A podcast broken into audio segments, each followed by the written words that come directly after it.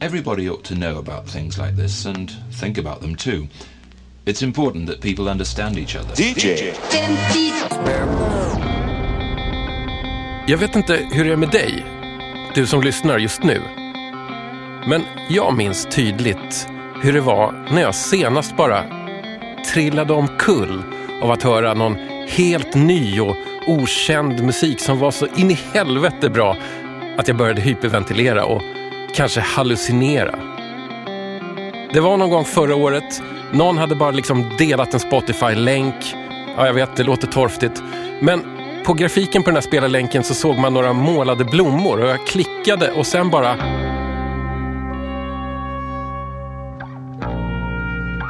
Det var Lotus från albumet Dogu Sisekleri, tror jag det uttalas.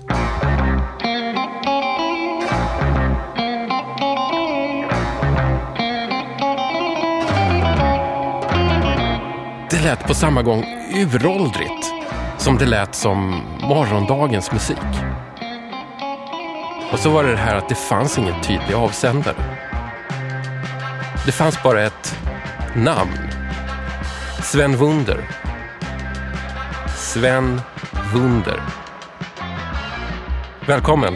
Tusen tack. Blir du generad när jag brer på så här? Lite, men, men äh, ja, jag, jag tyckte det var väldigt fint sagt. Du kanske heter någonting annat egentligen, men jag tycker att vi kan strunta i det just nu. Är du med på det? Det går alldeles utmärkt. Däremot så undrar jag faktiskt varför ett så tyskt och samtidigt gammelsvenskt namn på din musikoutput. ja, det är ett namn som, jag kommer ihåg att jag skickade, vi hittade mejlet ganska nyligen till mig och John Henriksson som driver det här skivbolaget Piano Piano då, som vi släpper mm. Som vi skivorna på. Eh, så hittade vi hittade en mejlkonversation för ungefär 12-13 år sedan Aha. med en låt som jag hade gjort och så här, bara skickade iväg. Ja, här är en låt, eh, Sven Wunder. Och det var bara något namn jag hade, ja, bara hittade på sådär. Och sen så kom jag att tänka på det där. Men det, det, liksom, det höll de här tio dödåren utan att jag mm. tänkte på det igen. Men det, det fanns kvar där. Så, så tänkte jag att ja, men det, det blir ett bra namn här. Det ligger bra i mun. Jag, jag håller med och det är samtidigt också att det finns en slags krock med namnets klang och musikens klang om ja. du fattar vad jag menar. Jag tänker mest på den här stackars, eh, det finns någon biolog eller något liknande, tysk biolog som heter Sven Wunder som, som hans liksom Wikipedia-sida blir bara liksom eh, åsidosatt här nu.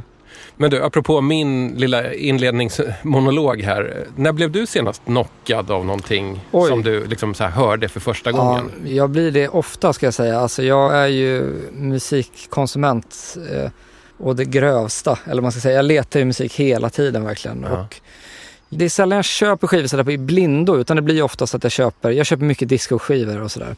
Eller jag köper mycket från Discogs. Mm. Och då blir det ofta att man går runt och liksom lurar på någon skiva och då lyssnar man mycket på det innan så här på Youtube-rippar eller någon mixtape eller eh, på Spotify. Ja. Som jag har blivit ganska bra på, även lite mer obskyra grejer och sådär. Ja. Men eh, då brukar jag liksom verkligen lyssna rejält eh, på mycket olika saker men, men eh, som sagt ständigt på jakt efter eh, ny musik hela tiden. Så det är ju någon gång i veckan som jag försöker hitta en eh, låt.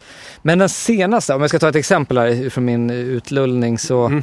vad heter det? Paris Smith eh, Group eller Paris Smith. Mm -hmm. det, det, är eh, veckans ja. smash. Thought Seed. Okay. Jag har inte så bra engelskt uttal men eh, Thought Seed, det är någon, någon form av liksom spiritual jazz-grej. Eh, mm. Det var min senaste knock.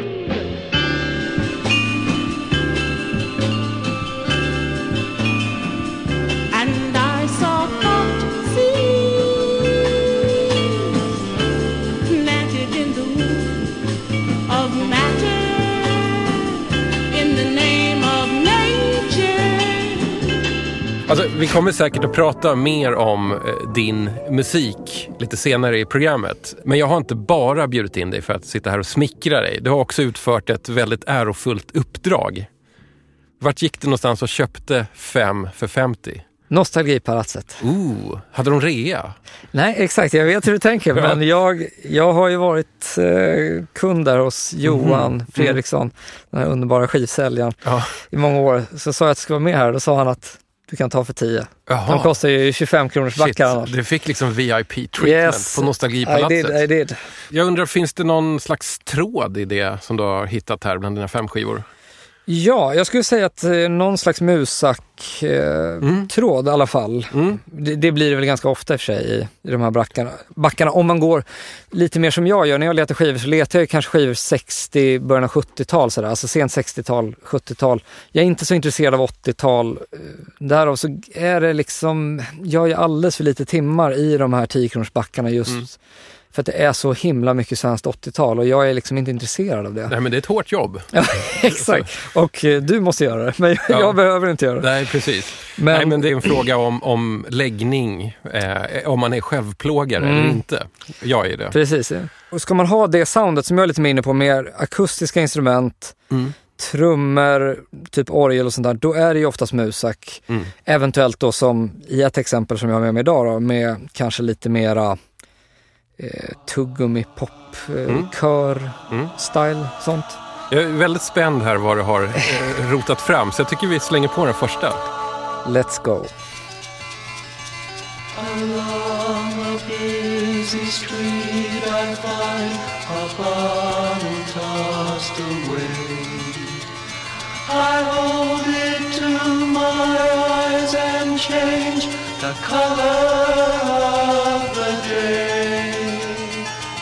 broken a jagged edge surrounds the changing sea. And passing strangers smile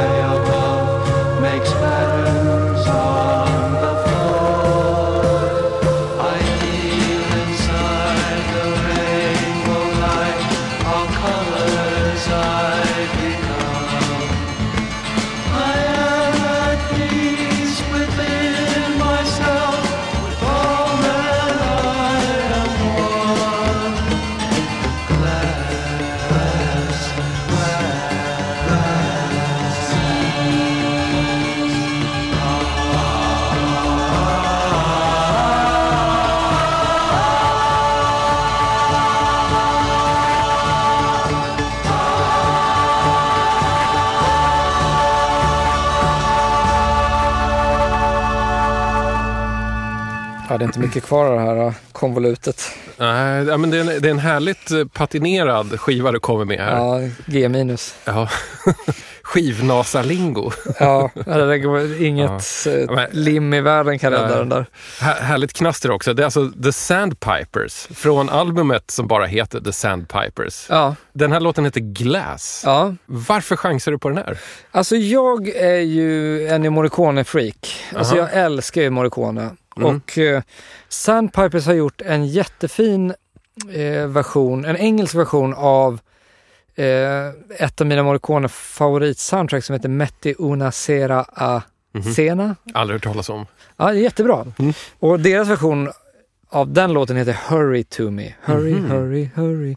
Den är, den är jättebra. Mhm. Så att när jag, jag körde ner med den där låten och det är ju kanske tio år sedan. Och då, då började jag plocka upp Sandpipers Mhm. skivor sådär och Mm. bara, ah, man kanske ska kolla in det. Det är ju lite så här, sånt jag gillar, lite så här tuggummi-poppigt, Mm. eh, härligt, härlig instrumentering och sånt. Ja. Men det är ju en rad av besvikelser. Ja, så är det alltså det? är Ja. ju liksom, jag tror Guant, eh, vad heter det? Guantanamera. Ja, Guantanamera. Jag tror att det var deras stora, stora hit. Exakt. Att de gjorde en engelsk version av den. Det, det är ju en kubansk låt va? Tror jag. Ja, det är väl en... en Och så gjorde de den lite lagom sådär easy listening, Ja. vuxenpop-aktig för Men var det de som 60-talet. tog den till eh, världen, alltså, Alltså, det, det, i det, kan västvärlden? ha, så det kan ha varit andra som har gjort det också, Ja. men jag vet att de fick en hit och Ja. det kanske var deras liksom, genombrott den, i USA. den versionen är ju inte speciellt bra Nej. och den är ju på varenda skiva de har gjort i princip. Ja. Eh, Mm. För det är mycket så här mer best of. Det här jag tror jag är ett album. Jag vet inte riktigt. Jag kollade innan och jag, Ja. jag får också känslan av att det här det är ett känns originalalbum. inte som ett album, men det känns som ett album när Ja. man ser det. Ja, nej men för det jag har hört av dem, av dem tidigare är ju till exempel att de gjorde en cover på Louie Louie. Ja. Alltså en, så- en sån här tidig rock eller rhythm and blues-låt som Okej. ändå är, ändå är lite rivig. Ja, okej. Eh, Ja, den har jag inte hört, men- ehm, men de har ju tagit bort all, all, all rock och köttighet i den och det låter som att det är en änglakör som Ja. gör den istället. Ja, men annars är det ju sådana här Michelle och som det är på den här och Yesterday och så de här Mm. klassiska musak-dängorna liksom. Precis. Men jag tycker de, de är bra, alltså det är fina och den här versionen, alltså just den här låten är ju jättebra tycker jag. Mm. Det här är precis min kopp te. Mhm. eh, alltså just ganska schysst beat.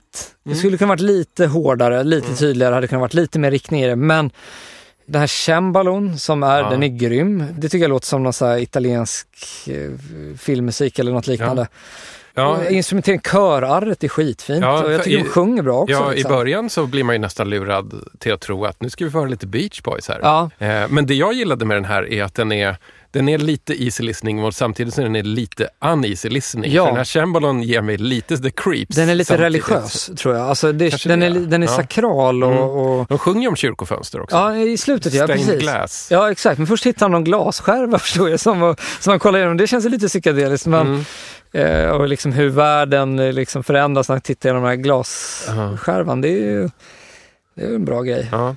Det som är kul med såna här artister är, är att de ganska ofta är signade till skivbolaget A&M Records. Ja, precis. Det är alltså Herb Alperts skivbolag. Ja, Han startade det. ett skivbolag tillsammans med någon annan. Pinsamt nog kommer jag inte ihåg vem det var. Nej. Men då, var det ju, då märker man ju att det var lite Herb Alperts smak på Ja. något sätt. Att han, han gillar ju liksom mjukt och välspelat och välsjunget. Jag tycker det är bra. Alltså det är samma, jag, jag lyssnar mycket på typ Enoch Light. Det är också en sån där uh, som har producerat eh, massa, alltså free design typ och sånt där. Ja. Det är också mjukt och Mm. jag, jag tycker det är bra. Alltså det, det behöver inte vara dåligt. Ja. När det blir dåligt, det är när det är dåliga låtar tycker jag. Ja, Alltså när det är tjatiga låtar sådär som, som det inte finns någonting att liksom hugga tag i. Mm. Eller som drar en med utan Ja, att bara det. liksom det halkar av en. Ja. sådär. Då, då, tappar, då blir jag tappad i intresset lite.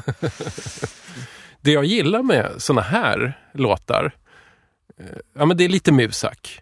Men det är också, det känns som att det är som en liten förövning till det som ska komma ganska snart. Så psykedeliskt liksom. Ja. Och det här intresset som man inbillar sig att många intellektuella i USA hade för till exempel LSD. Det är Ja. någonting liksom lite psykat Ja. samtidigt som det är väldigt Ja, när- fint. Liksom. verkligen det här med glasskärvan där i början i texten, det känns ju verkligen Ja. lite LSD-aktigt. Apropå cembalon som vi hörde. Ja. Vi tror att det är en cembalo i alla fall. Det var ju ett halvpoppis instrument som man hade lite som krydda i liksom pop och Ja. easy listening och musak och lite så här vuxenmusik på, på 60-talet. Det är ju ett rätt apart instrument i popkontext kan man tycka. Ja. Den låter ju så klent på Ja, något sätt. ja, och lite, den är ju stämd, den är inte tempererat stämd, den är ju stämd i något, några cent över eller under, jag kommer inte Aha. ihåg nu men Mhm. så den, är ju, den låter lite ostämt också Okej, dessutom. ja. Eh, Den Mm. sticker ju ut verkligen. Men du som gör musik, eh, och jag gissar att du är någon slags ul- multiinstrumentalist. Har du ett favoritinstrument eller har du någon sån här som du alltid återvänder till? Trummor tycker jag mycket om. Eh, Det är en sån där grundsten i mycket som jag gör.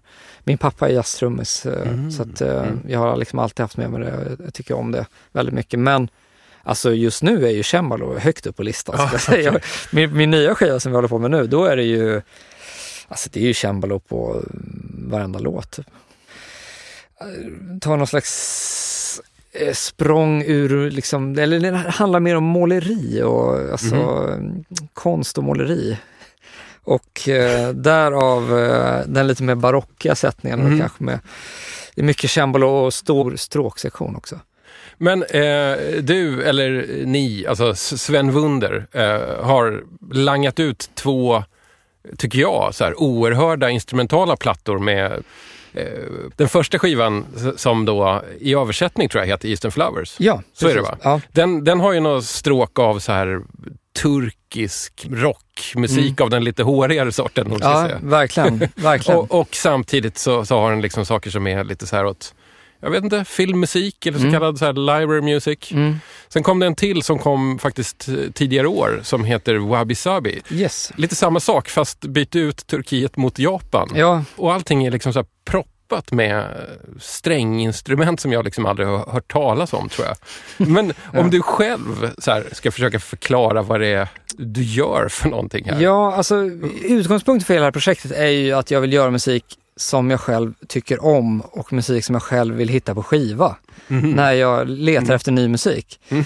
Och det, det har liksom tagit eh, många år att liksom komma på att så här, bara göra musik som man själv tycker om. Ja. Alltså, det låter så enkelt men det är inte så enkelt. Eller vad då? Vad är det som är svårt med det? Grejen är att det blir ofta att man anpassar sig efter någon låt eller så Mm. här. eh, ja, men det här kanske ska vara en låt, det kanske ska vara ett liksom lite mer uppbyggnad eller så här. Is, Istället för att man liksom bara, ja men vad, ty, vad tycker jag om liksom? Vad, Mm. vad är det jag gillar med musik? Jo, jag gillar när det är eh, liksom inte så mycket melodi och SAS-solon. Mm. Och inte, sen att det inte kommer in någon halvlökig sångare utan det ska vara liksom instrumentalt eller Mm. så här. Det har ju hela tiden varit utgångspunkten att det ska vara Mm. musik som jag tycker om. Men sen så är jag ju väldigt intresserad av liksom mötet eh, liksom öst-väst sådär. eh, Mm. Just när våran västerländska musik, eh, alltså som, jag har nästan inga så här vanlig straight up funkskiva liksom i, i det, det jag känner mig inte så intresserad av liksom. Mm. Men så fort det är eh, funk med typ en koto som spelar, Ja. då tycker jag det blir skitbra direkt. Vad, vad var det som liksom sände iväg dig åt liksom det österländska hållet på Sven Wunder-projektet? Där har jag varit eh, länge, ska Jaså? jag säga. Ja. Ja, första gången jag kom liksom i kontakt, kontakt med, med den där musiken och började kolla in eh, den ordentligt var ju när jag började, jag gick på så musikgymnasium och då var det en, en kompis som också spelar bas på de Mhm. här skivorna som Mm. jag gjort. Han är halvturk och han har, han gav mig en jättefin samlingsskiva av eh, med någonting som heter Altin Mikrofon, eller Okej. eh, som är någon slags talangjakt på, eller var någon talangjakt på 60-talet. Aha. Där de, eh, det är massa bra band som slog igenom där, eh, alltså Erkin Koray och såna Mm. här um, turkiska Mm. storheter liksom. Eh, Och de här mogolar och sådana där var med i, i den där uh, vågen liksom, där runt 68. Mhm. Och de här skivorna lyssnade jag på eh, tills de inte gick att lyssna på i princip. Och, och jag har ju liksom lyssnat jättemycket på just den här uh, turkiska musiken, väldigt mycket. Jag tycker det är jättebra alltså.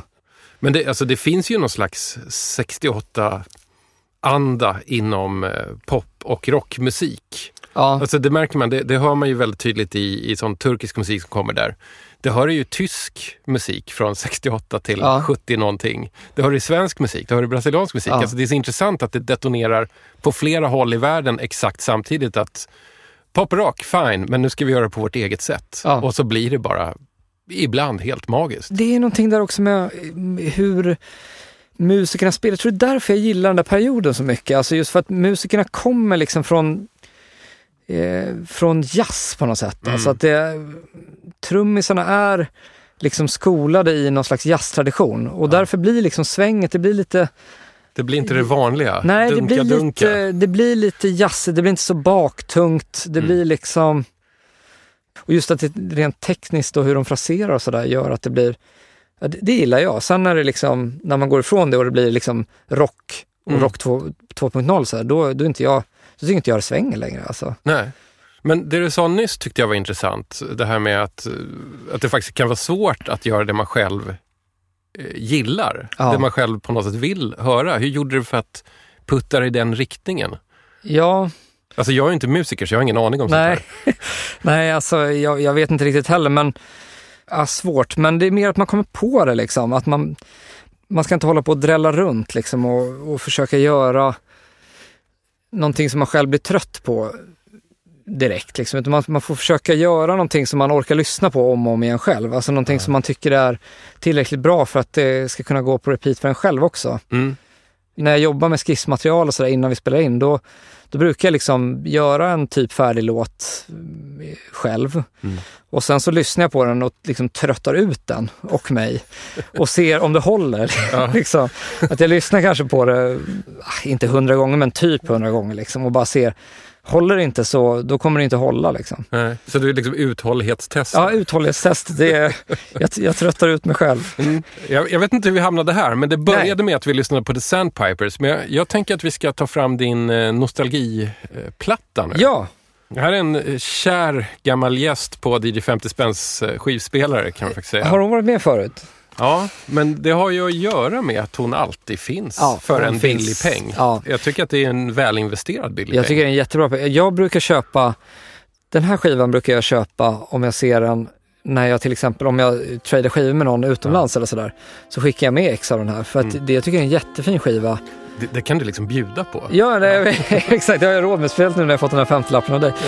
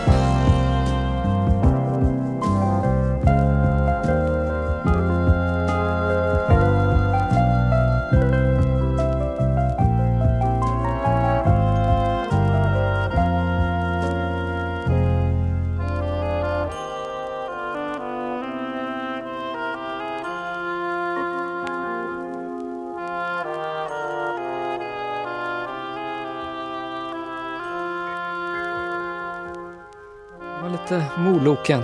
Ja, ja men bl- blir du påverkad av den här nordiska liksom mollklangen? Alltså Det den här barrskogsfeelingen som Ja, man ändå får av den här. Det, det, alltså när jag, jag har varit på här spel, alltså folkmusikstämma och sånt här vid några tillfällen och det Ja. är ju något väldigt speciellt eh, som slår an i en sådär. Det är alltså Merit Hemmingsson och det är från eh, Trollskogplattan. Den här heter Visa från Medelpad. Mm. Första jag tänker då är Medelpad, det är ett sånt här landskap i Sverige som inte får så mycket strålkastarljus. Det är ett sånt här landskap i Sverige som inte finns. Du vet i den här delen av Norrland som inte riktigt kan säga, slå sig för bröstet och säga att vi är så jävla Norrland. Nej, utan vi är lite precis. mittemellan Norrland. Det är Sundsvall va? Ja, precis. Men det var ju så jävla Norrland förr. Ja, alltså, det, det var, var ju där trädmecka, det drev ju hela Sverige. Ja, liksom. det var där cashen rullade in. ja, hela Strandvägen är byggd av eh, trädmiljonerna från, Precis, från Sundsvall. eh, och vi fick lite cembalo också. Ja, så att här har vi en Underbart, här liten... knyter vi ihop säckar. Precis. Eh, Merit har varit med här tidigare och jag eh, har faktiskt inte kollat, men jag är ganska säker på att hon har varit med i programmet mer än tre gånger. Och egentligen ska jag aktivera three strikes you're out-regeln. Mm. Men grejen är, jag kan inte säga nej till Merit. Nej, Merit är mitt frikort. ja, Merit. Men kan inte du berätta lite om dig och Merit? Ja, alltså, För det här är din nostalgiskiva så det finns någon slags connection. ja, alltså dels är det ju den här liksom svensk folkmusik-nostalgin som ju slår an någonting igen ändå. Mm. Jag vill ju erkänna. Men sen så, jag tycker ju, alltså det här Hammond-soundet, Mm. eh, den här perioden liksom med Bo Hansson och Merit Hemmingsson och sådär. Mm. Det är fint gjort. Det är, det är fan inte lätt att göra sån här folkmusik, eh, sån här svenska folkmusiklåtar sådär och, och få det att inte låta liksom eh, så här uh, hovendroven, Mm. eh, stompigt och liksom eh, försäkt utan att det är det här låter ju bara som en bra låt, en jäkligt bra låt liksom, Mm. tycker jag. Jag får lite så här, nästan lite eh, David Ja. Axelrod-känsla med de här brass bakgrunderna och sådär, för det är inte lika bombastiskt och så. Det är lite Nej. mer ödmjukt. Men en sak som den här låten saknar, tycker jag, Jaha. det är Roger Palm, Ja. den här eh, som är så jäkla bra trummis, eh, som spelar med alla så här ABBA-skivor och sånt där. Men han är ju fantastisk liksom beat. Man hör ju, han ligger ju och spelar så här uh, bastrum och lite visp och någon shaker så här. Ja. Men tänk om det här hade varit med liksom att han kom igång och spela sådär som han gjorde på massa proggskivor och sånt där från den här perioden. Mm. Då hade den här låten varit, då hade man inte hittat den här lika ofta i Tiokronorsbackarna framförallt. Kanske det. Sa- Samtidigt som jag kan ändå tycka att det, är, det här kanske inte är eh, låten man släpper loss honom i. Jag menar inte släppa loss, utan jag menar liksom bara alltså ett lite mer tydligt beat som hade gett det lite mer så här uh, riktning. Ja. Då hade den här blivit odödlig den här låten. Alltså då hade liksom alla som typ samlar skivor och sånt hade haft kvar den här skivan och liksom lyssnat på den mer tror jag. Den här är ju väldigt eh, återhållen. Det är ju Mm. till exempel väldigt lite orgel för Ja. att vara merit. Det, det är Nej, ett litet blinkande... cembalo, typ. Ja, ett litet elpiano, lite cembalo. Ja. och det, allting är väldigt tillbakahållet Ja, faktiskt. verkligen. Jag tycker att den blir ganska stark av det. Också Ja. att, att man får alltså, överväldigande melankoliska känslan men som ändå inte är dramatiskt utan det är mer som att eh, Förlåt att jag använder det här ordet men det känns som ett skogsbad för själen. Ja, ja, ja visst, visst. Ja, men det är ju John Bauer, någon John Bauer-bild här på eh, omslaget eller någonstans om jag inte minns fel. Jag, jag, jag känner um, Ola Hultgren som spelar trummor med uh, Merit. Mhm, Så spelar med henne nu? Ja, som spelar, Ja. hon är ju still going strong. Ja. Och då, de gjorde en skiva med covers för några år sedan. Mm. Och då frågade han mig där i, vid ett svagt tillfälle om inte jag kunde skriva någonting till det. Mhm. Men sen hörde jag inget mer och sen så kom den här skivan så jag missade min chans. Men det hade varit underbart att få göra en liten trudelutt som, det hade varit en sån jäkla ära. Alltså att Ja. Merit hade suttit och spelat Mm. en låt som han hade skrivit. Men eh, jag, missade, det- jag missade det tåget. Ja. ja. Jaha, har du något mer i organistväg? Jag har med mig Klaus Wunderlich, Ja, här är ju kungen av... eh, kungen av Tiokronorsbackarna. Ja, och, Merit var drottningen. Så. Det här blir spännande för att Mm. det är så här att nu sätts skivgrävaren på prov. just det. Att hitta någonting bra på en skiva med den här artisten. Mm. Vi kollar.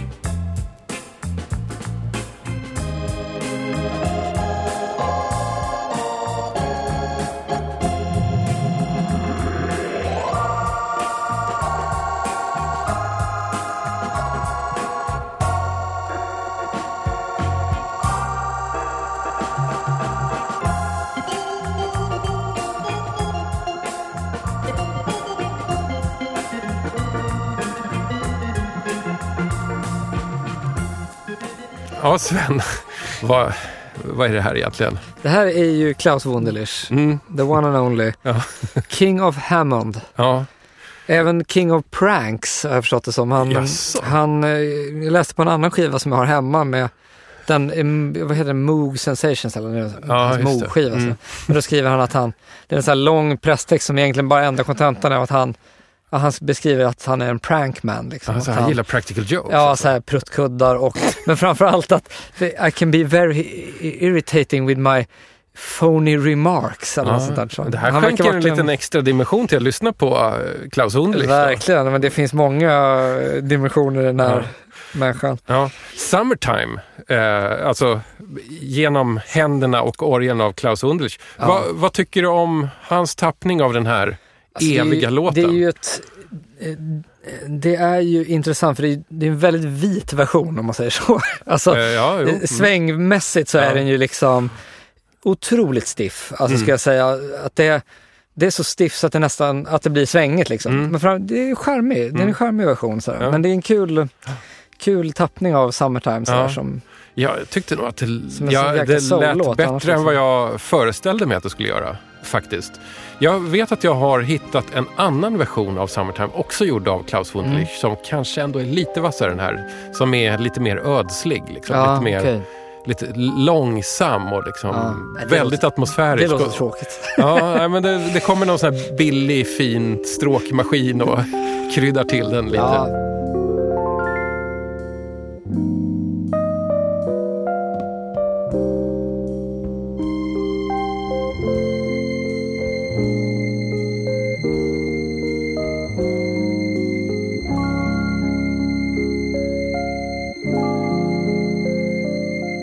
Men alltså det, när- jag, när man lyssnar på det här, alltså just den här perioden Mm. och Hammondorgel, vad var det som hände liksom? För att det är ju, det är Hammondorgel på allting. Mm. Det finns, de skivorna som sålde mest under den här perioden är liksom Hammondorgelskivor. Ja, potpurrier på orgel. Ja, och jag tänker själv, du vet, vi pratade innan om man lyssnar på låtar så här mycket och, och förälskar sig i låtar och, Ja. och sen så lyssnar man ju liksom sönder saker och sådär. Och jag får liksom nästan känslan att eh, han, eller liksom han, eller liksom Hammond-artisterna tröttar ut hela världen. för att det, nu för tiden är det nästan ingen som har Hammond-orgel. Så det känns som att... Eh, Men om man har orgel, orgel idag så låter man inte det vara liksom, kanske huvudnumret. nej. Så, som man gjorde på de här skivorna. Ja, För att eh, Klaus Wunderlich var ju verkligen inte ensam i sin bransch. Nej, nej, verkligen inte.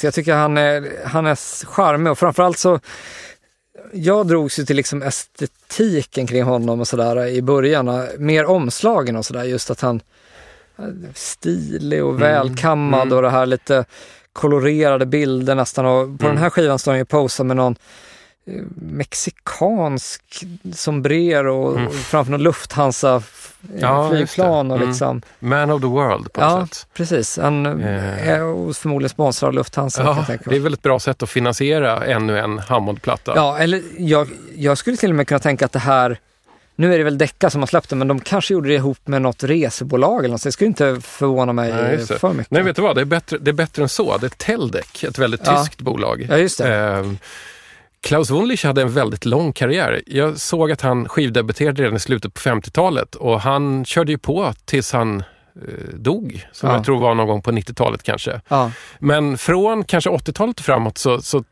tappar han lite det här välklädda. För då ja. kollar, bildgooglar man Klaus aj. Jag vet, jag vet, det låter jättegalet att göra det, men jag har gjort det några gånger.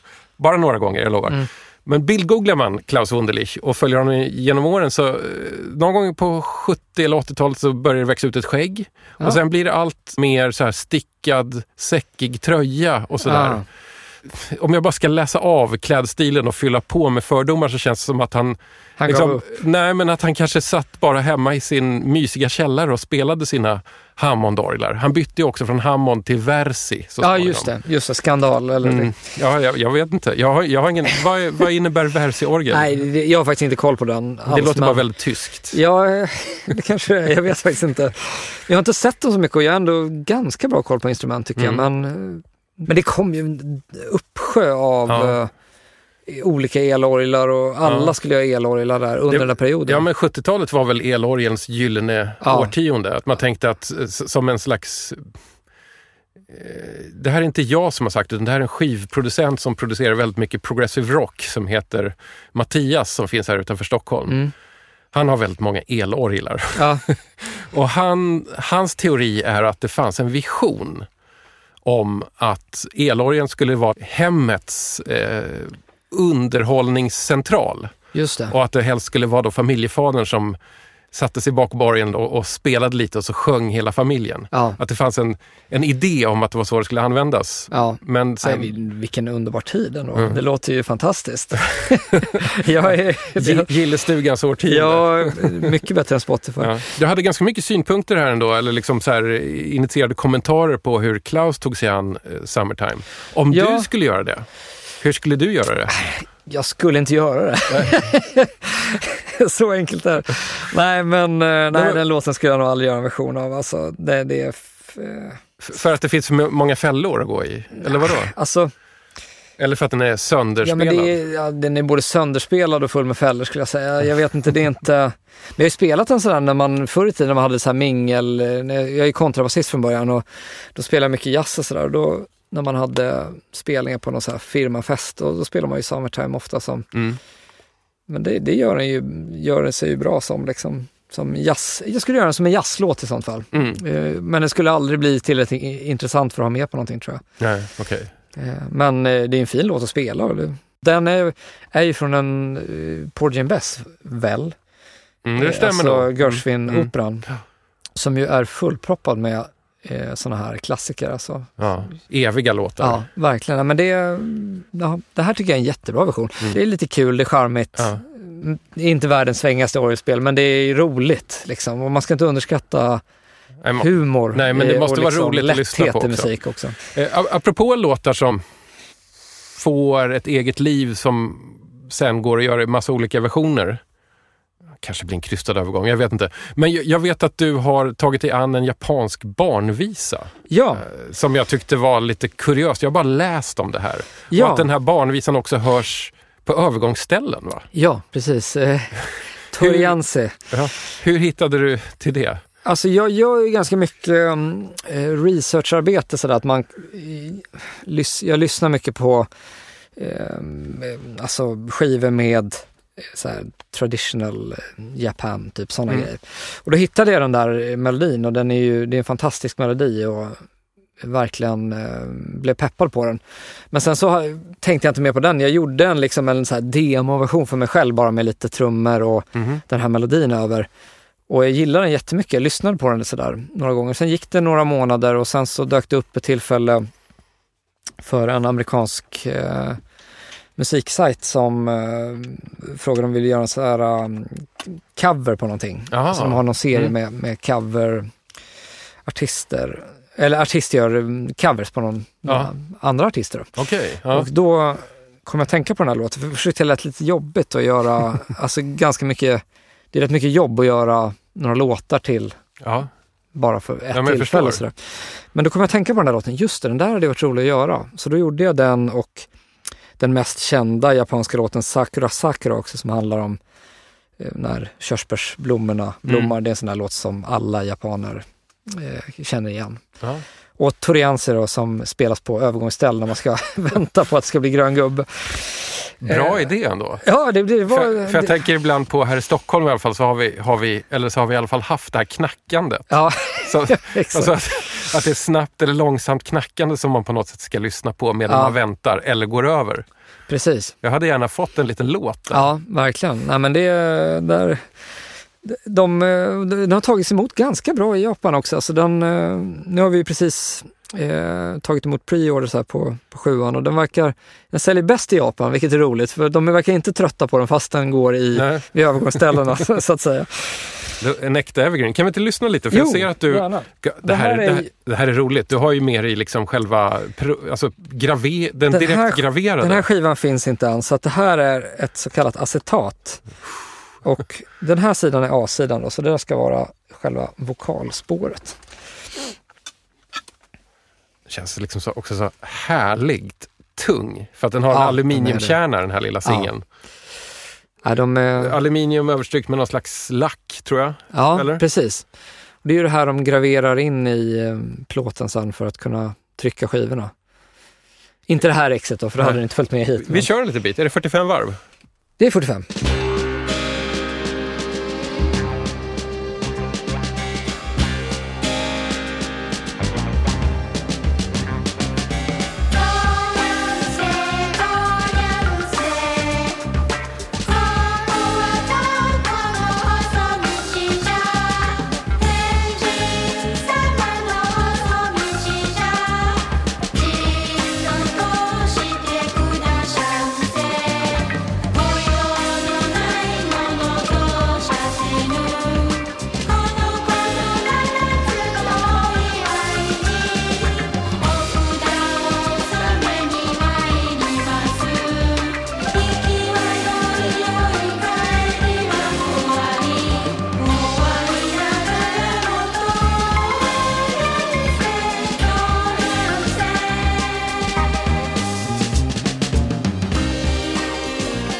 Du, du Sven, det var otroligt kul att få höra det här. Och när vi pratade om det innan, för jag hade inte hört den alls, eh, så tänkte jag så här, barnvisa hur, hur spännande det kan bli. Men det här var ju som att direkt hamna i en B-agentfilm från 1971 med en jätterafflande scen vid ett övergångsställe, du vet, där det är så krypande. Men Och, och fint med de här, jag vet inte vad det är för instrument, men någon som står och spelar på några träbitar och är marimba. Ja, Ja.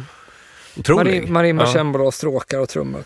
De är ju väldigt allvarliga de här japanska barnsångerna. Det är ju Ja. liksom, det är inga imse vimse spindel utan det är mer eh, moraliska historier tydligen och sådär. Ja.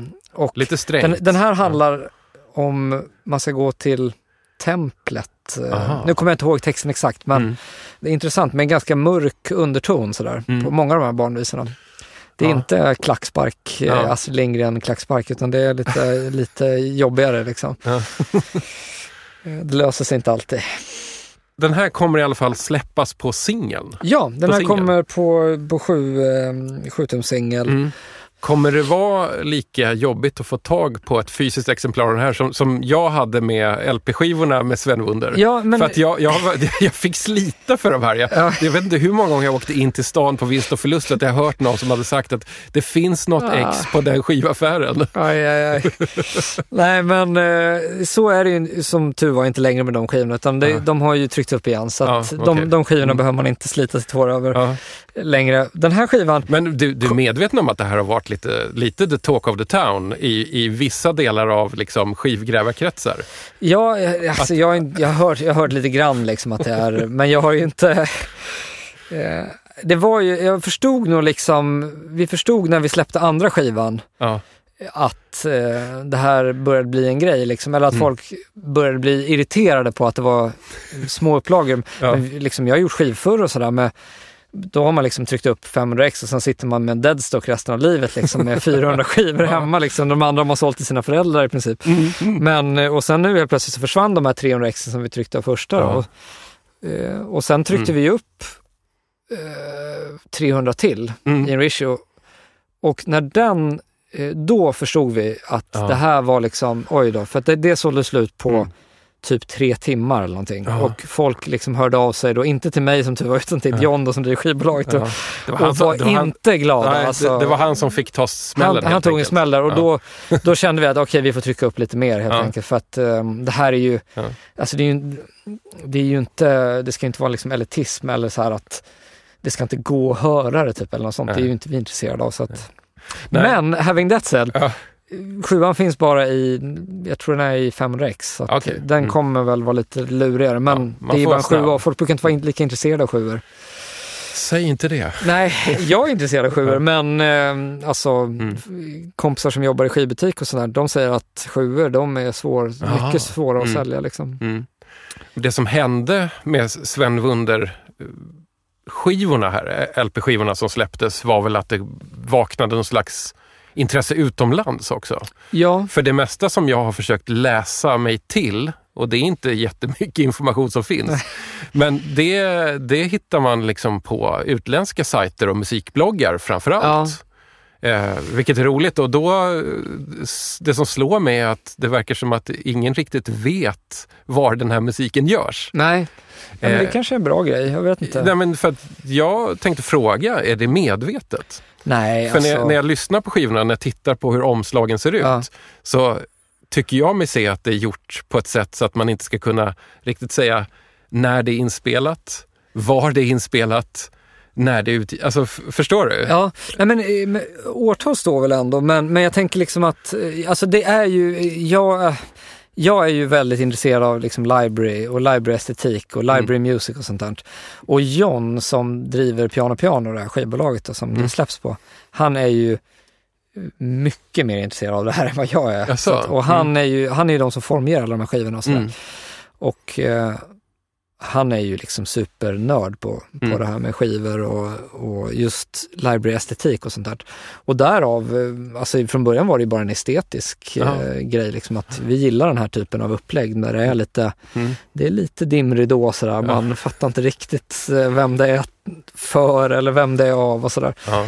Det har inte varit som liksom eh, sådär att ja, det, det ska inte gå att få tag på någon information utan det har varit det här med att det inte har, kanske finns någon information i Sverige. Det är för att det inte har varit någon som varit intresserad av det i Sverige. Alltså, det var, det var folk i USA som plockade upp det och, och sen har, har det sålts skivor där och sen först nu lite efteråt så har det kommit Mm. mer till Sverige. Sådär. Från början sålde vi bara skivorna via Record Mania här i, i Stockholm så att det har ju verkligen vi har ju utgått från Sverige och sådär så att det är inte Mm. Jag tror inte det är så svårt att lägga det pusslet om man... Det kanske inte är. Nej. Jag tror det är bra med lite, lite dimridå. Så, eh, det är liksom medelålders man i, som spelar i turkisk rock. Mm. Sådär. Det, Mm. det kan nog behöva en och annan eh, eh, dimridå för att det ska bli lite mystiskt. Ja. Jag är ju helt för det. Alltså, jag vill ju ofta inte veta för mycket om artisterna på skivorna. Nej, Jag är vill, jag vill ha lite utrymme alltså. för att projicera egna idéer på det. Ja, Eh, jag vill inte vara en sån här som säger att det var bättre förr. Men jag kan tycka att det var lite mer spännande ibland med mindre artister innan internet för att det Ja. var så otroligt svårt att få veta någonting om dem. ja, Det fanns så lite att läsa sig till. nej. Men idag så går det att plugga sig till att veta det mesta om Ja. en artist. Och då, då försvinner ju lite av mystiken och då, musiken kan fortfarande vara fantastiskt bra men det är lite grann av den här feelingen som Ja, försvinner. Men det är, det är väl en av grundpelarna inom musik eller inom populärkultur just att man har typ ett bandnamn. Mm. Det är ju för att skapa någon form av distans. För annars hade ju alla band hetat liksom Tommy Jönsson kvartett eller liksom, och det hade inte varit så sexigt i längden. Mm. Eh, Sådär. Nu byter jag ämne här. Ja, Är du en sån här människa som har tur? Nej, nej, alltså jag spelar ju på Stryktipset varje lördag och det brukar, eh, jag sitter ju här fortfarande. så att jag, sån, sån tur har jag inte riktigt. Grejen är att det är dags för eh, Random Access Vinyl. Alltså Ah. den slumpmässigt framplockade skivan. Nu ska vi se om du har tur eller inte. Ja, And I wake up in the morning with my head down in my eyes, and she says hi. And I stumble to the breakfast table while the kids are going off to school. Goodbye. And she reaches out and takes my hand and squeezes it and says, How you feeling, hun? And I look across at smiling lips that warm my heart and see my morning sun. And if that ain't loving me, then all I've got to say. God didn't make the little green apples, and it don't rain in Indianapolis in the summertime. There's no such thing as Dr. Seuss, Disneyland, and Mother Goose. There's no nursery rhyme. God didn't make the little green apples, and it don't rain in Indianapolis in the summertime. Myself is feeling low, I think about her face aglow and ease my mind. Sometimes I call her up at home, knowing she's busy. And ask her if she could get away and meet me, and maybe we could grab a bite to eat. Drops what she's doing and she hurries down to meet me, and I'm always late. But she sits waiting patiently and smiles when she first sees me, cause she's made that way. And if that ain't loving me, then all I've got to say. God didn't make the little green apples, and it don't snow in Minneapolis when the winter comes. There's no such thing as make believe, the puppy dogs and autumn leaves and BB guns. Ja. God didn't make the little ja, Sven, det är alltid abrupta uttoningar på de här skivorna. Ja, För att det du har fått upp här som en slumpskiva är den heter Hits, Country and Cowboy Style. Den är utgiven av Music for Pleasure som jag tror var EMIs billighetsbolag.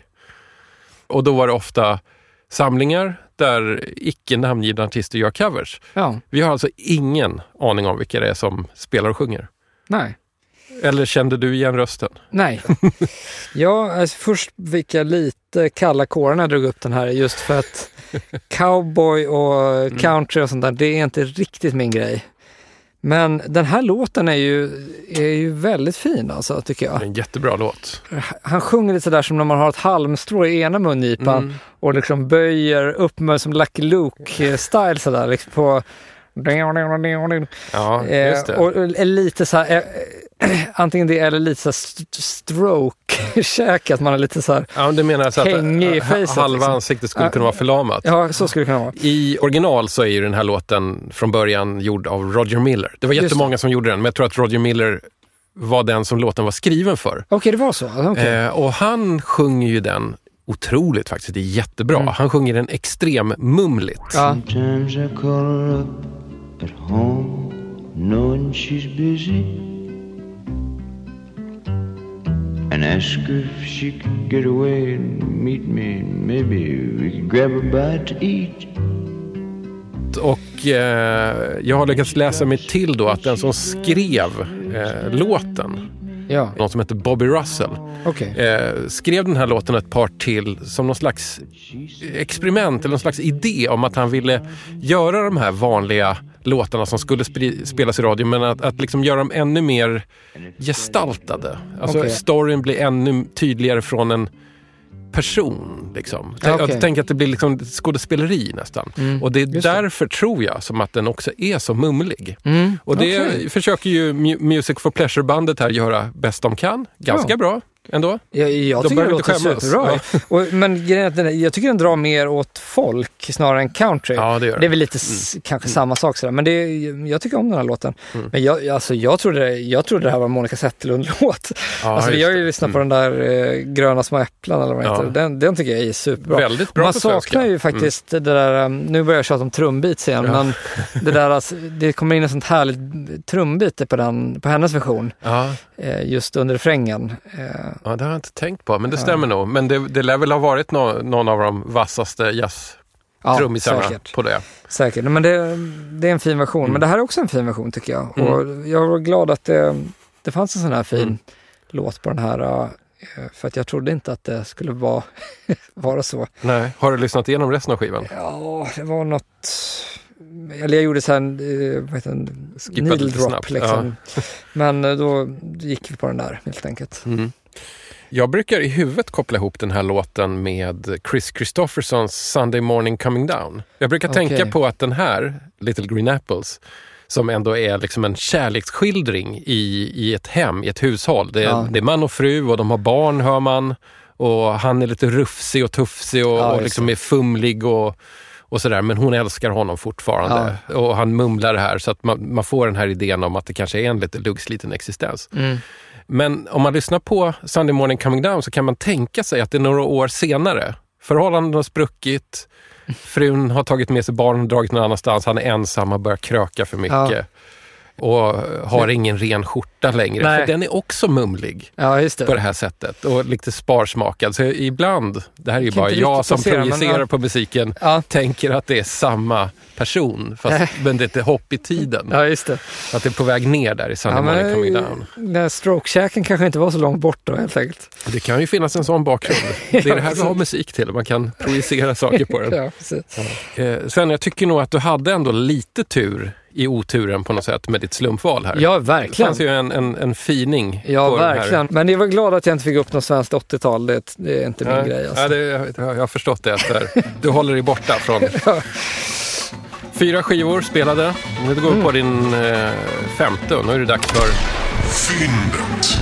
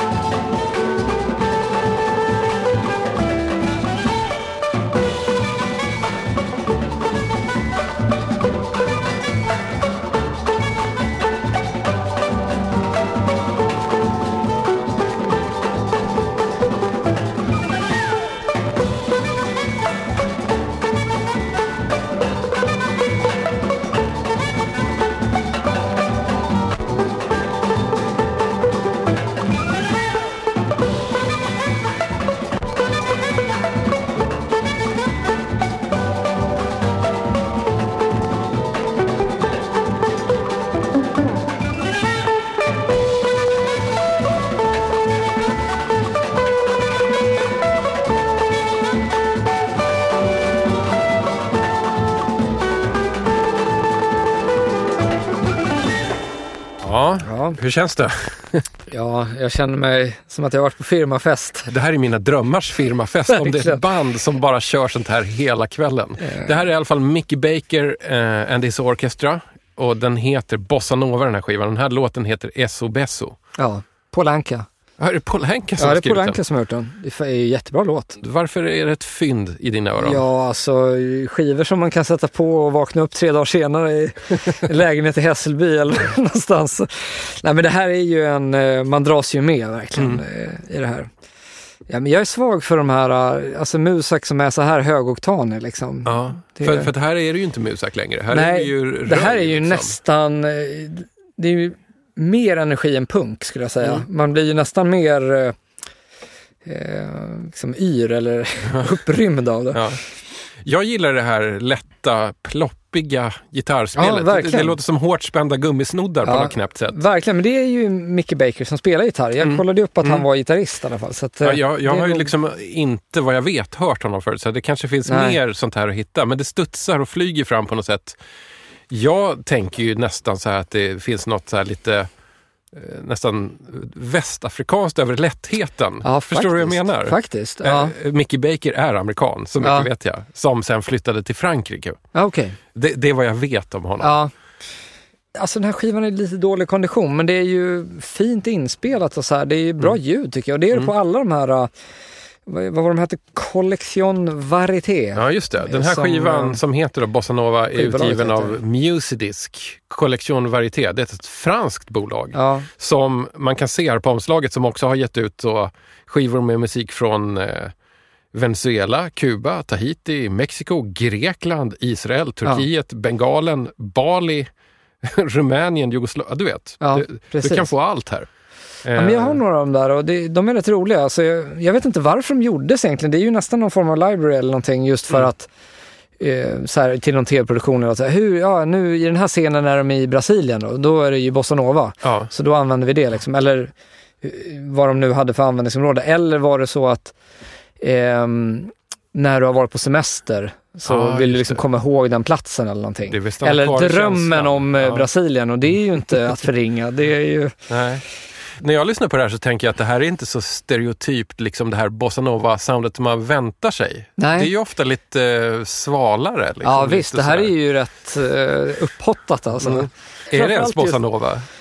Jag kan inte den genren så bra inte. nämligen. Nej, jag måste nästan lyssna igen. Men nej, det här kändes ju som samba mer, ska Ja. jag säga.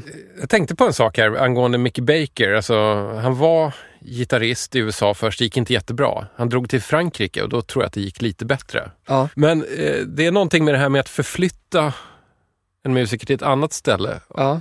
Bara, det här är bara en hypotetisk fråga. Om du skulle lämna Stockholm och Sverige ja. för att göra musik någon annanstans i världen, vart tror du att du hade dragit? Oj, om man bara fick välja sådär. Det hade ju varit, alltså Indien på något sätt hade ju varit kul. Varför det? Det känns också som en sån jäkla stor eh, musikkultur.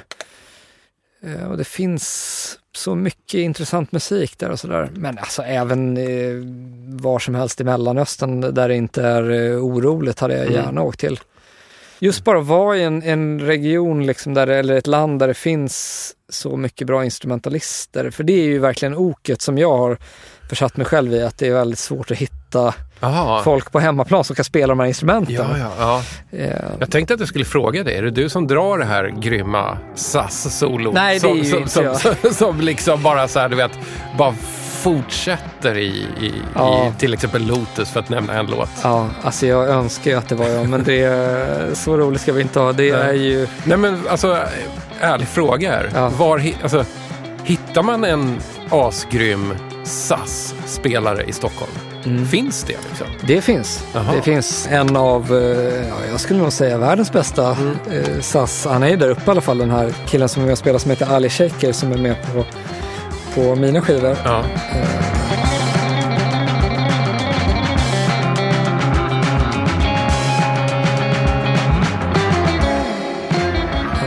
En kille eh, som är från eh, Kurdistan. Mm. Som, men han bor i Barkarby nu. Ja. Och vad gör han för musik då när, när han inte är liksom inslängd i ditt projekt? Ja, han gör ju liksom SAS-grejer och sånt där. Mm. eh, Som är ju, han är skitduktig på det. Mm. Han, är, han är jättebra. Men han gör ju mycket, alltså han gör modern, modern popmusik så här från, från Mellanöstern och sånt där. Mm. Utan, och gör, han är väl liksom studiomusiker mycket, sitter i Barkarby och spelar på massa olika Ja.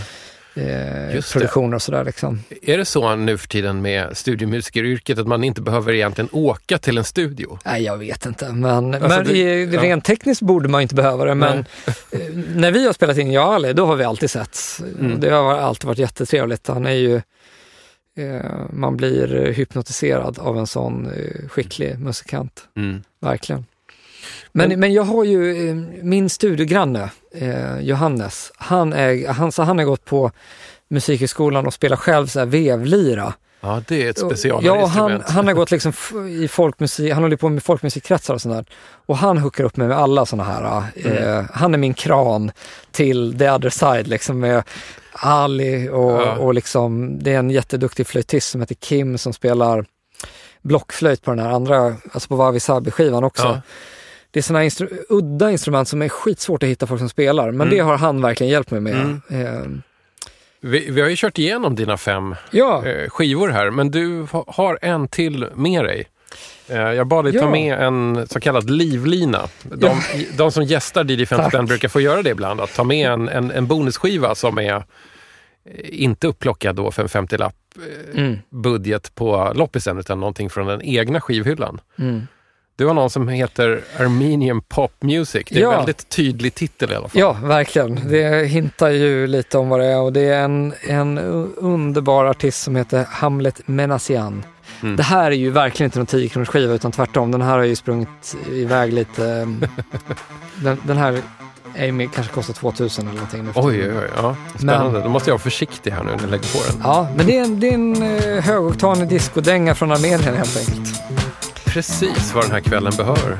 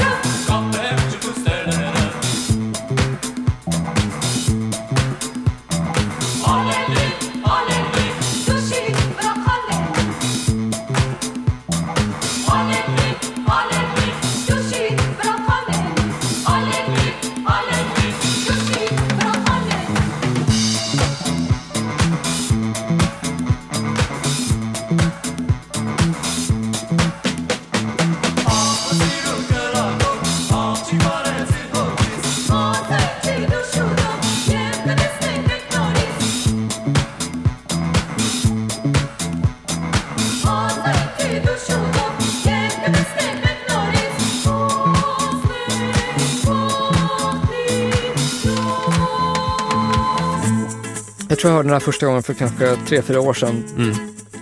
Nej, jag hörde den här låten först, alltså samma sommar som jag gjorde Eastern Flowers-skivan. Aha. För då letade jag ju, då var jag liksom verkligen uppe i en sån där äh, kreativ virvel när man liksom... Jag gjorde ju hela den där skivan på en sommar. Och då, då lyssnade jag ju liksom hela tiden på och letade såna musik i samma stil. Eh, Men eh, alltså det här är ju en låt som man, eh, man sätter på i hörlurarna och sen vaknar man upp efter tre dagar. Liksom. Mm. Ja, det, det är Ja, otroligt. den, är, den är underbar. Alltså Ja. det här är ju, den här låten har allting. Mm.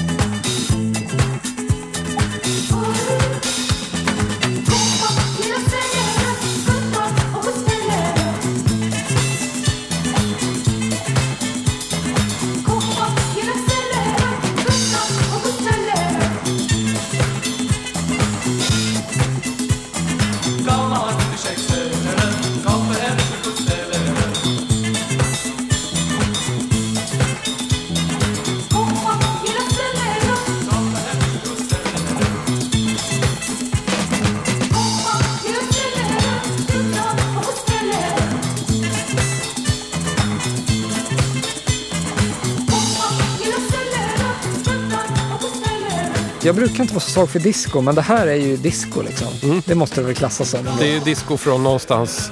Somewhere in. Caucasus så är det liksom ett jävla vrålparty Ja, som och jag pågår tycker det är, det är jäkligt bra inspelat. Alltså jag vet inte om det går fram nu riktigt, men det är verkligen... eh, Det är fint eh, ljudteknik och han, han är väl den enda som är utskriven på skivan. Ja. Eh, Sångerskan och sångarna är utskrivna med förnamn. Mm. Men här så står det ju Hamlet med Nassian såklart, för han har skrivit grejen. Och så är det sångerskorna med förnamn och sen är det ljudtekniken. Liksom. Mm. Ja. Det, that's it. Mm.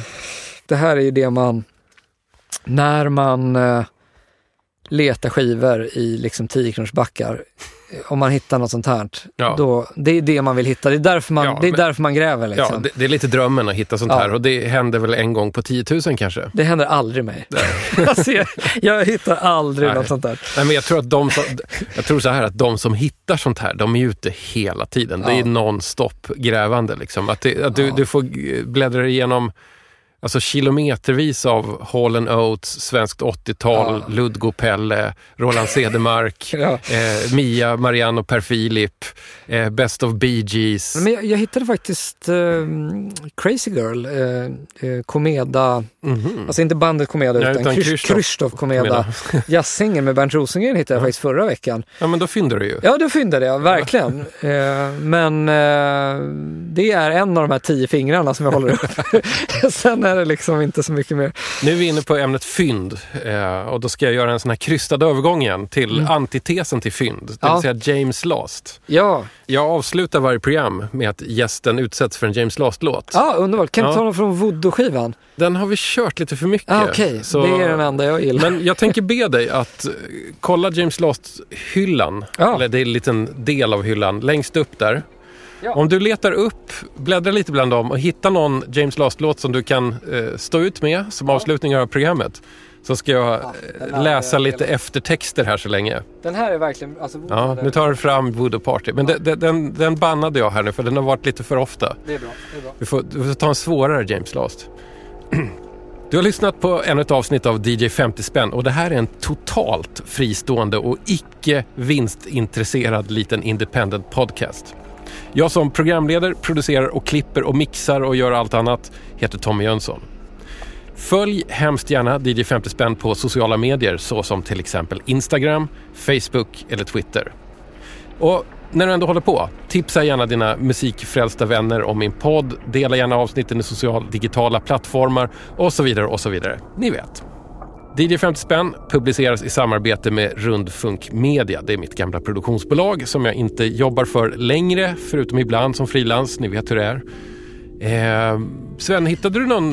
Eh, oh, den Ja, där är inte så jag dum. hittade eh, James Last och Astrid Gilberto. Ja, bra. Jag Den här, är det här är Astrid en, Gilberto-sucker. Mm. Så visste du att hon har gjort en platta tillsammans med James jag Last? hade inte en aning om det faktiskt. Nej, det hade inte jag heller förrän jag plockade upp den. Jag tänkte att det här är, ju, det här är lite udda. Ja, Ehm, jag ska varna att det är 80-talsproduktion. ja men eh, Astrid är Astrid.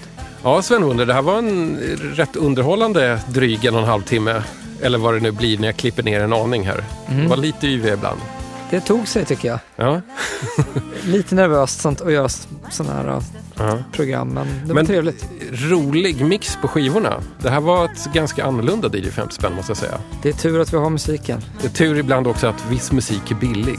Ja, Så får, man, så får man jobba lite för att hitta guldkornen. Ja, Nu släpper jag loss här lite ska vi se. Seinfeld. Som jag brukar säga, den här skivan har... Jag vet inte om den är bra, men den har något. Camará, água de bebê.